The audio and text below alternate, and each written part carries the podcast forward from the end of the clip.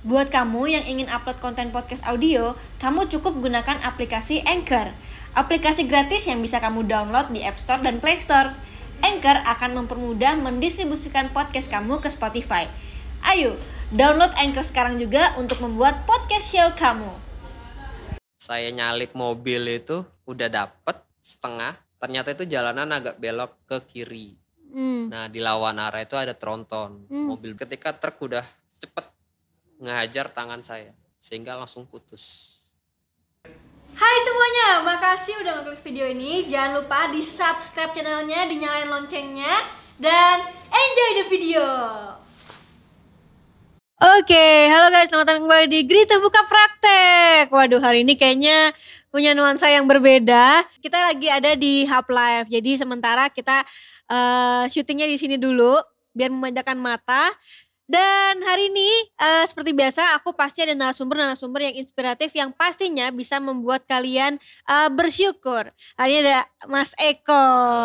Kak. Teman-teman di rumah yang eh, aktif di media sosial pernah melihat Mas Eko di explore Instagram atau di YouTube atau di mana pun karena Mas Eko ini sempat viral. Iya. Gimana rasanya viral waktu itu? Iya banyak yang nanya sih di jalan. Gimana? Mas yang di YouTube ya, Mas yang Oh gitu ada. ada. Viralnya waktu itu kapan? Dua- 2018. 2018. Mas. Eko sekarang berapa? 27. 27. Iya. Oke, eh, tapi sebelumnya sebelum kita lanjut nih dan sebelum kita eh, tanya-tanya sama Mas Eko, eh, anyway, sorry sebelumnya nih aku pengen tanya, Mas Eko kan sekarang jadi ojol. Iya. Waktu apply pertama kali jadi driver online, eh, maksudnya dengan kondisi yang seperti ini, ada nggak sih hambatan-hambatan ketika mendaftar waktu itu? nggak ada alhamdulillah itu prosesnya dimudahkan ya cuma ditanya bisa bawa motor nggak Hmm. cuma itu aja Udah. udah dan saya juga kan waktu pas kecelakaan itu emang sudah memiliki SIM C Heeh. jadi untuk syarat daftar eh, syaratnya itu udah lengkap semua Hmm. karena memiliki SIM C tuh dan cuma ditanya bisa bawa motor atau enggak saya Ah. bilang bisa ke sini ke kantor pun itu saya bawa motor sendiri Wih gitu. Eh, Oke, jadi kita akan flashback sedikit ya. Flashback banyak sih kayaknya. Kita akan flashback nih. Mungkin teman-teman juga eh, belum pernah tahu, ada yang belum pernah tahu. Nah sekarang saatnya kita dengar kisah-kisah inspiratif dari Mas Eko. Nah mungkin Mas Eko boleh ceritakan awalnya seperti apa? Apa sih eh, yang membuat Mas Eko, oh, maaf kondisinya kayak sekarang? Eh, dulu eh, pas kejadian itu waktu saat touring dan menghadiri acara keluarga itu di Jawa. Di Jawa. Iya dulu nek emang suka motoran kan ke mana-mana jadi kalau pulang ke Jawa touring bawa motor terus sendiri. Nah itu sendiri waktu itu Sendiri. kejadiannya. Eh Apalagi bertiga touring bareng-bareng. Oh bertiga. bertiga. Jadi awal awal mulanya itu saya menghadiri acara Vario di Banjarnegara. Mm-mm. Kemudian setelah itu saya piknik lah jalan-jalan lah setelah biasa acara kan itu banyak rekreasinya tuh bareng sama teman-teman. Nah setelah eh, hari esoknya saya ada acara keluarga di Kebumen.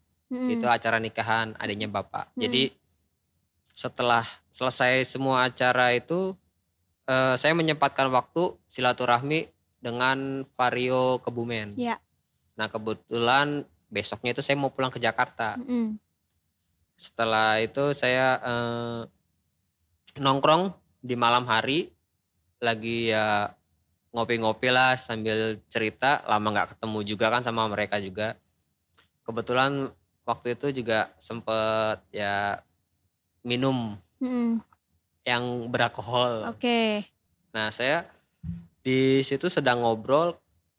Kemudian teman saya anak Vario Jogja itu lewat depan tongkrongan saya yang lagi ngumpul Mm, itu dia tujuan ke Bandung dan ke Jakarta apa Lampung. dan Lampung. Oke.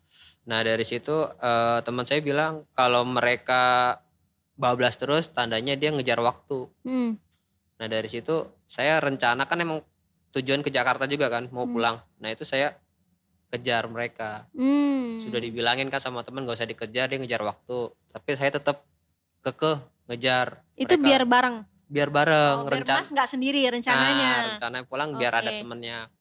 Nah di situ saya ngejar tuh sekitar ya adalah eh, 10 kiloan lah. Itu Hmm. baru kekejar. Ya lumayan jauh lah Duh. itu Oke. jaraknya. Tapi di situ teman saya nggak nggak sadar kalau saya ngejar mereka. Yang tadi bilangin. Eh, eh, eh, Atau yang, oh yang ketiga itu. yang dua motor itu Ya, yang ya. sedang tujuan itu nggak sadar kalau saya Hmm. Akhirnya ya udah saya kejar. Eh, yang paling belakang itu ada teman saya, yang satunya lagi tuh di depannya mobil. Jadi teman saya yang paling belakang itu posisinya emang mau nyalip mobil. Mm-mm. Cuma kebetulan saya datang di Hmm. sampingnya, dia kaget, Oke. kaget di situ. Saya ajak ngobrol, mau ke mana? Ke Bandung. Ya udah bareng, tungguin. Maksudnya putar balik lagi biar ke sananya bareng. Ya udah, akhirnya saya ngejar yang depan biar dia berhenti. Nah pas saat itu saya nyalip mobil itu udah dapet setengah. Ternyata itu jalanan agak belok ke kiri. Hmm. Nah di lawan arah itu ada tronton Hmm. mobil besar. Jalannya itu juga eh, pas muat dua kendaraan besar. Hmm. Jadi di situ saya kaget. Supirnya juga mungkin nggak ngasih aba-aba juga ya saya juga nggak tahu lah kondisi di situ. Akhirnya saya mundur lagi karena kalau saya paksain itu saya adu banteng. Mungkin saya nggak ada sekarang. Hmm. Akhirnya saya mundur mengurangi kecepatan lalu membandingkan motor di belakang mobil di belakang teman saya itu seketika truk udah cepet ngehajar tangan saya. Jadi posisi motor itu sudah masuk di jalurnya, Mm-mm. tapi tangan saya keluar dari jalurnya. eh, jalur Iya, dan dari stang. Ya, jadi yang ini. kehajar itu siku, Oke. sehingga langsung putus. Sikunya Putus. langsung putus. Iya, mental di ya belakang saya itu kira-kira ya 2-3 meter lah. Berarti itu eh, truknya juga lumayan cepet ya, tronton Iya, yang yang karena kan dia nggak ngelihat eh, mungkin nggak ngelihat saya ada di depan gitu kaget. Jadi ya nggak berasa itu nyenggol saya itu nggak berasa. Tapi sebenarnya itu kan jalur yang seharusnya tidak boleh ngebut ya. Sebenarnya eh, di tikungan itu tadinya jalur marka putus-putus. Itu kayak jalur utama Jawa jalur itu utama kan. Jawa. Mm. Cuman kondisi itu malam hari. Heeh, heeh. Jadi kan kita nggak tahu itu jalan sepi atau enggak. Kiranya kita tuh sepi ternyata ya dari lawan arah ada. Aduh. Ya mungkin udah musibah takdirnya yang kuasa ya. Ya. Eh, ini juga eh, pelajaran juga ya, Ya. karena tadi juga Mas Eko sempat bilang bahwa eh, Mas Eko sebelum ikutin ngebut itu Iya. juga sudah minum alkohol. Iya. Ya, walaupun kita kiranya nggak mabok nih, tapi kita kan nggak pernah tahu ya Iya. efeknya seperti apa gitu. Betul. Karena eh, kadar orang kan mabok beda-beda. Ada yang minum sedikit, biasanya nggak mabok, Iya. tapi 10 menit kemudian atau 20 menit udah hancur Udah dia hancur. ya kan Nah, Ya. jadi eh, teman-teman please kalau misalkan habis minum alkohol atau apa eh, jangan nyetir lah ya karena Ya. itu bisa bahaya buat eh, yang nyetir apalagi buat penumpangnya Penumpangnya. Betul.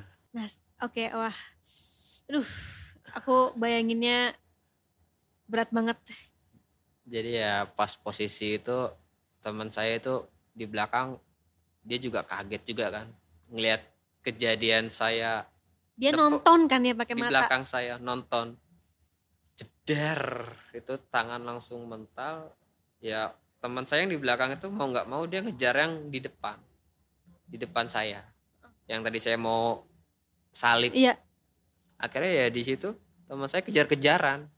Nggak tahu kalau saya ngejaran nggak tahu.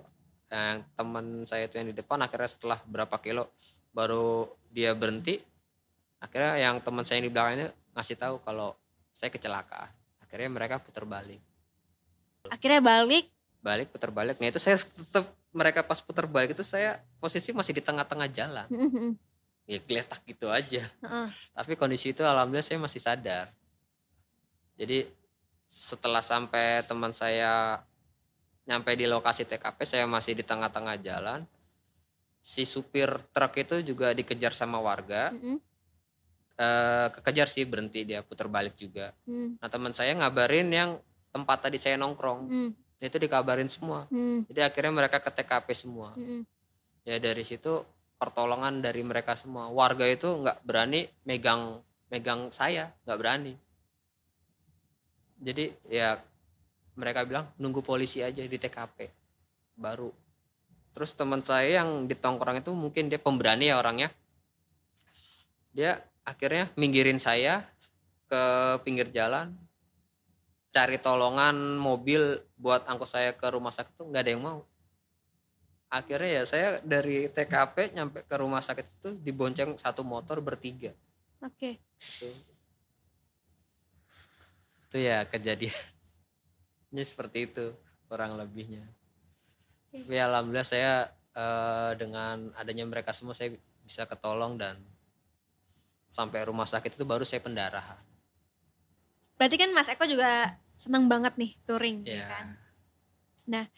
Eh, tapi waktu di rute itu memang terkenal kan ada tuh. Ya biasanya dulu dulu waktu saya kecelakaan eh waktu SD ada yang bilang di itu oh itu memang sering kecelakaan itu memang itu 30 menit sebelum kamu aja ada yang jatuh gitu. Nah itu di rute yang mas eh, maaf kecelakaan memang memang katanya sering kecelakaan atau enggak ya jadi saya dapat cerita juga eh, emang jalur itu kata orang bilang tuh jalur tengkorak hmm. jalur rawan kecelakaan.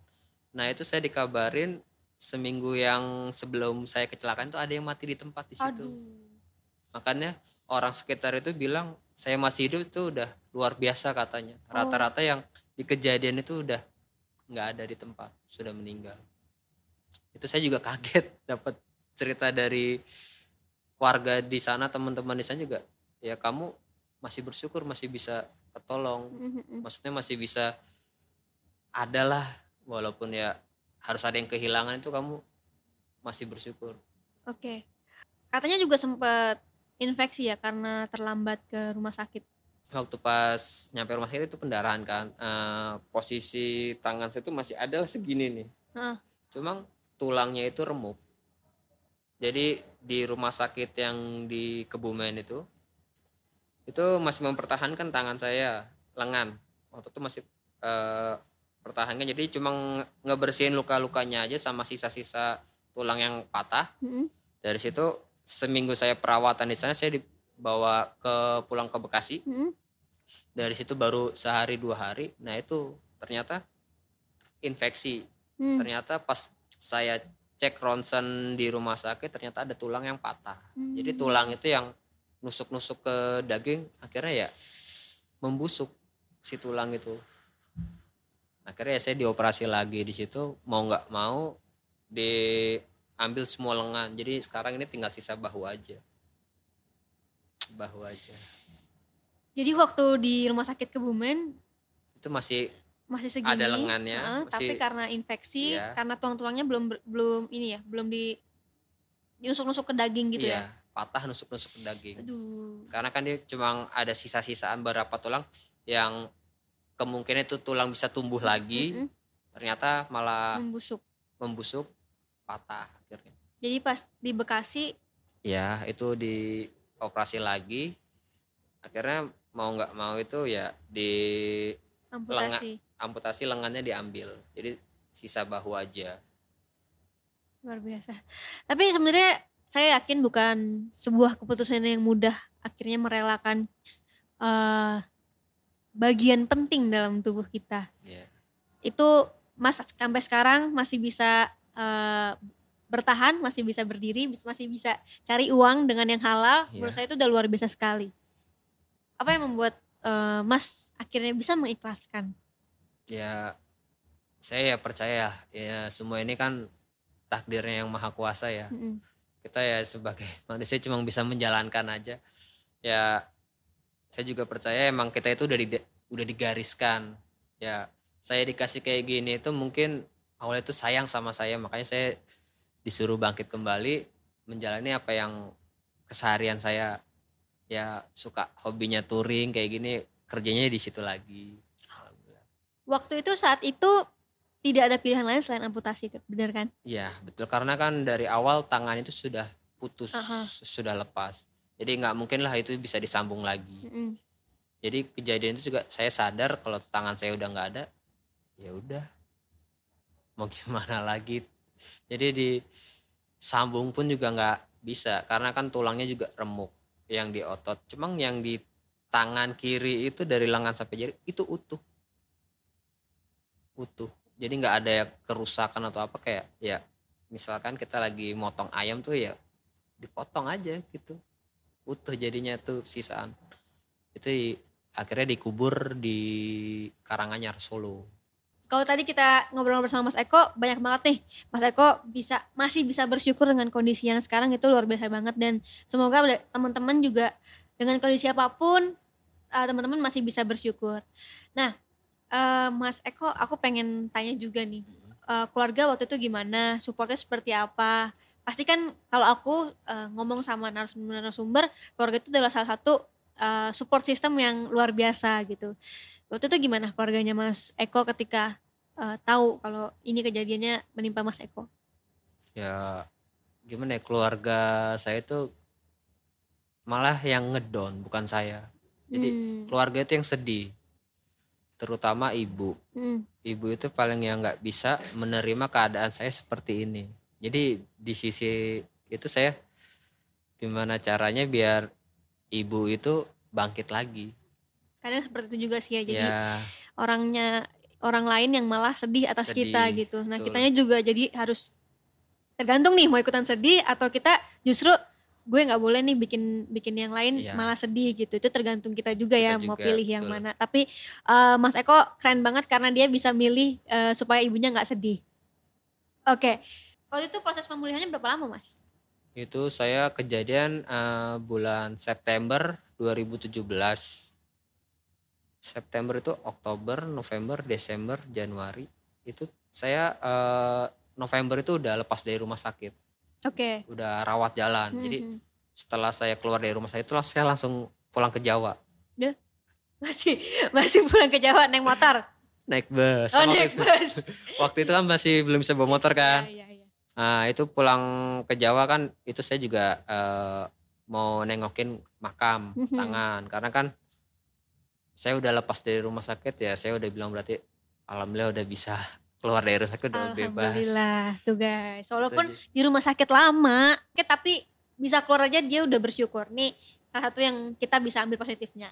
Oke, nah tapi eh, pasti kan ada penyusuan-penyusuan baru nih ketika Tuhan membalikan hidup kita sekali Iya. lagi dengan sedetik aja dia bisa balikin Balik. balikin hidup kita gitu. Pasti harus ada penyesuaian-penyesuaian baru.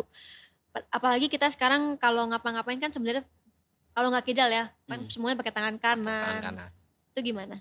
Ya kalau saya otodidak aja sih belajar. Ya kalau misalkan gagal ya coba lagi, coba lagi, coba lagi ya alhamdulillah lama kelamaan ya terbiasa.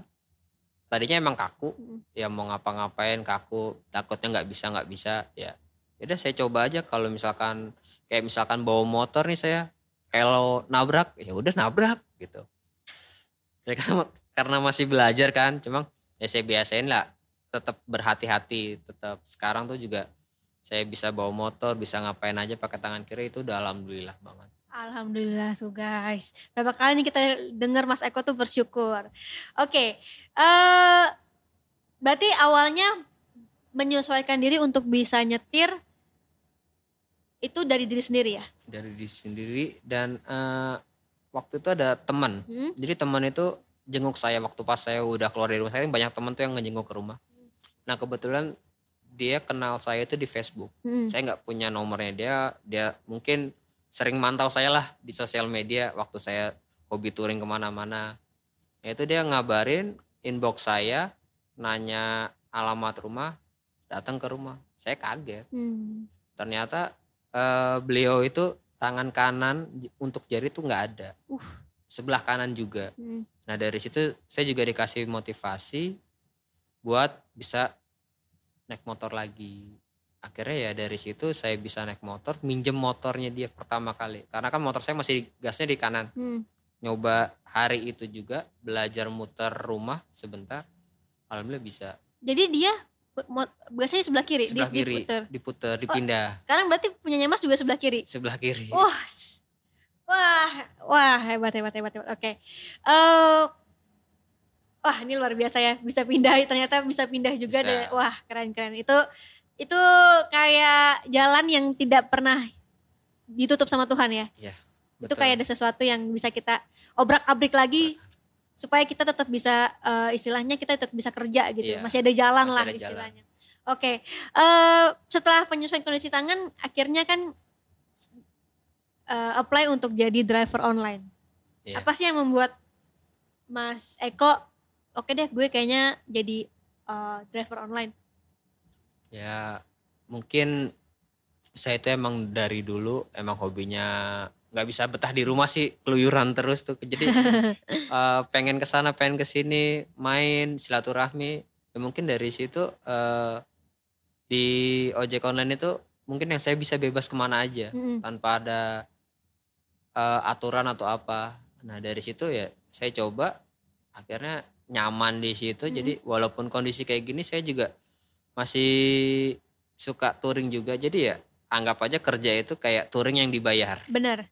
Hobi yang dibayar istilahnya ya, Ya, kalau hobi yang dibayar. Eh, nah ini kebetulan bahasa suka touring jadi seneng banget nih touring tapi dibayar. Nah, tapi hebat ya guys ya. Jadi keterbatasan itu tidak boleh menghalangi kita. Nggak Kayak tadi Masnya bilang eh, gasnya di kanan karena bisanya kiri, pilihin aja ke kiri dan ternyata bisa dan sampai sekarang masih bertahan jadi eh, driver online juga bisa kok ngangkut penumpang, bisa kok beli ini beli itu dengan hanya dengan satu tangan guys. Oke. Tapi sekarang selain jadi ojol, ada nggak sih mas eh, pekerjaan lain atau mungkin pemasukan lain, penghasilan lain? Mungkin eh pemasukannya ya kalau biasanya kan dulu eh, dekat rumah tuh ada yang biasa pakai jasa antar barang Aha. dari ojol itu. Kadang dia suka ngabarin nih, Mas di mana posisi bisa antar ke sini nggak? Mungkin dari situ aja tambahannya ketika ada customer Yang langsung yang ya. langsung japri ke saya itu tambahan tapi ya nggak setiap hari juga. Iya iya iya. Tapi Mas Eko pernah atau mau nggak belajar tentang investasi? Kan kalau zaman sekarang nih ya, di, apalagi di pandemi gini, kita terus pinter-pinter. Jangan sampai di PHK nggak ada duitnya ya. eh apalagi tentang keuangan kita, karena kita harus tahu nih masa depan kita tuh mau kayak gimana. Itu kita harus pikirin dari sekarang. Kita nggak, kita kan nggak selalu berada di usia yang produktif. Nah, aku juga mau kasih tahu Mas Eko dan teman-teman di rumah nih, investasi untuk pemula yang aman dan bagus untuk masa depan. Kayak yang kalian tahu, aku kan sudah mulai berinvestasi dengan bibit. Soalnya gampang banget dan canggih banget. Ini tuh sangat apa ya kalau dibilang tuh sangat memudahkan para pemula yang eh, dari nol itu sangat memudahkan karena dari aplikasinya pun ini sangat-sangat eh, pemula friendly kalau bisa dibilang. Jadi pemula tuh nggak usah takut nggak tahu apa-apa karena di sini tuh kita bisa belajar dan yang paling penting ini aman banget karena sudah diawasi oleh OJK. Kalian semua harus coba download aplikasi Bibit. Ini tuh enak banget deh guys, jujur. Dan nanti boleh Mas abis ini download aplikasi Bibit. Lengkapnya kalian bisa cek di description di bawah. Oke? Oke. Sekarang kita lanjut ke topiknya Mas Eko nih. Sejak kejadian kecelakaan itu eh, boleh nggak sih Mas? Ini kan pasti bisa jadi motivasi juga buat teman-teman yang mungkin eh, lagi down-downnya. Ada trauma tersendiri nggak dari Mas Eko? Katanya sih nggak ada ya guys ya. Ya alhamdulillah sih saya nggak nggak terlalu trauma ya karena ya ini sudah eh, kuasanya jadi ya jalanin aja. Kalau kita ya bisa menerima, insya Allah ke depannya ya akan ada jalan-jalannya yang kita nggak akan tahu.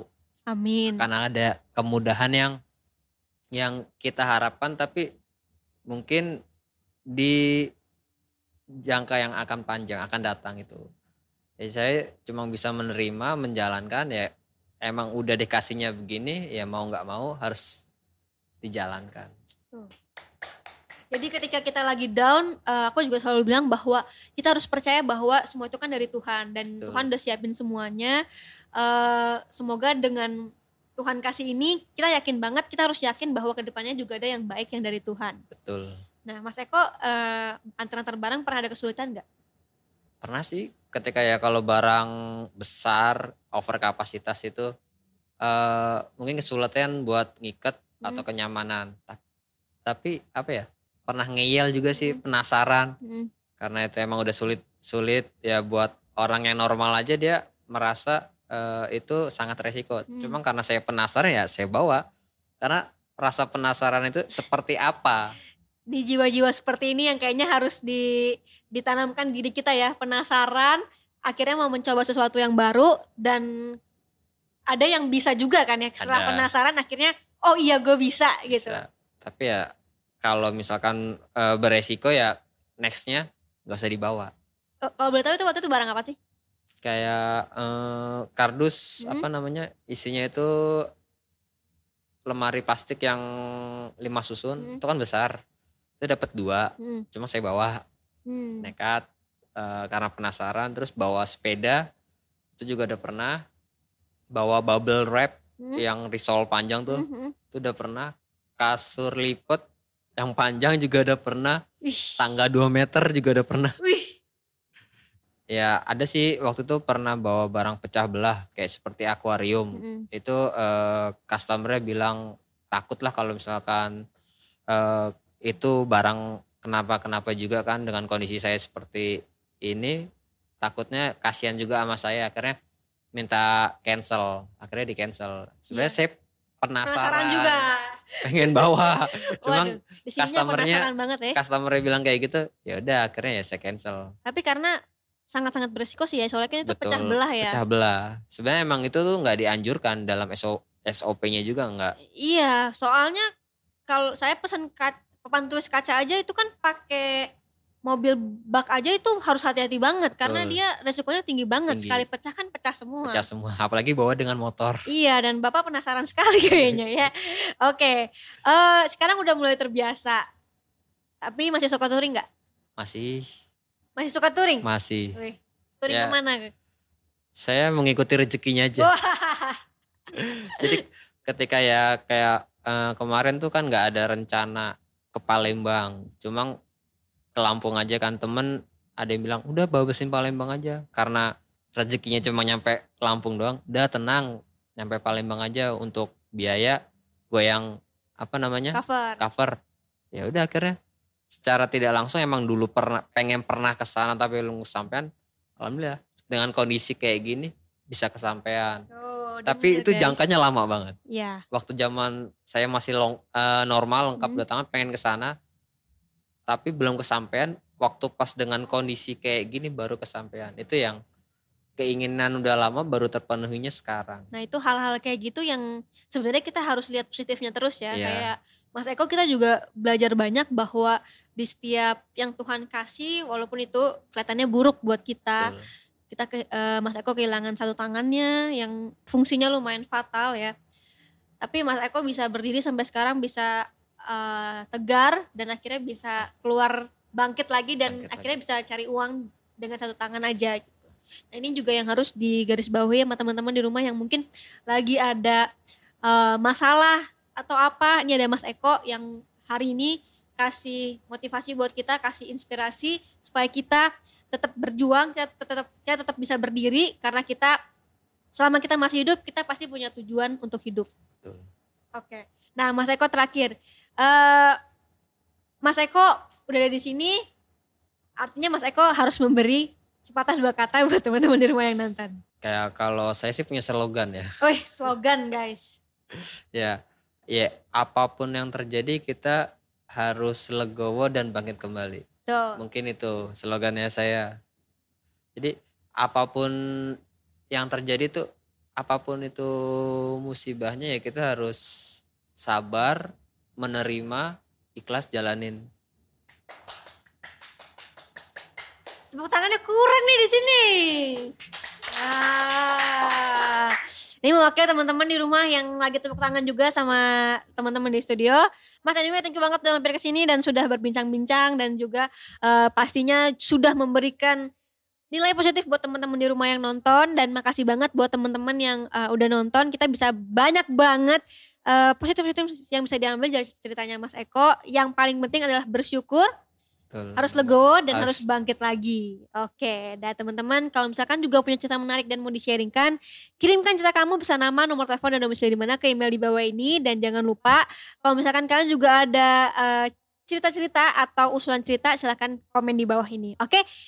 Sampai ketemu di video berikutnya dan jangan lupa download Bibit, oke? Cie, nonton sampai habis ya. Makasih ya. Jangan lupa follow Instagram aku di sini dan nonton video lainnya di sini.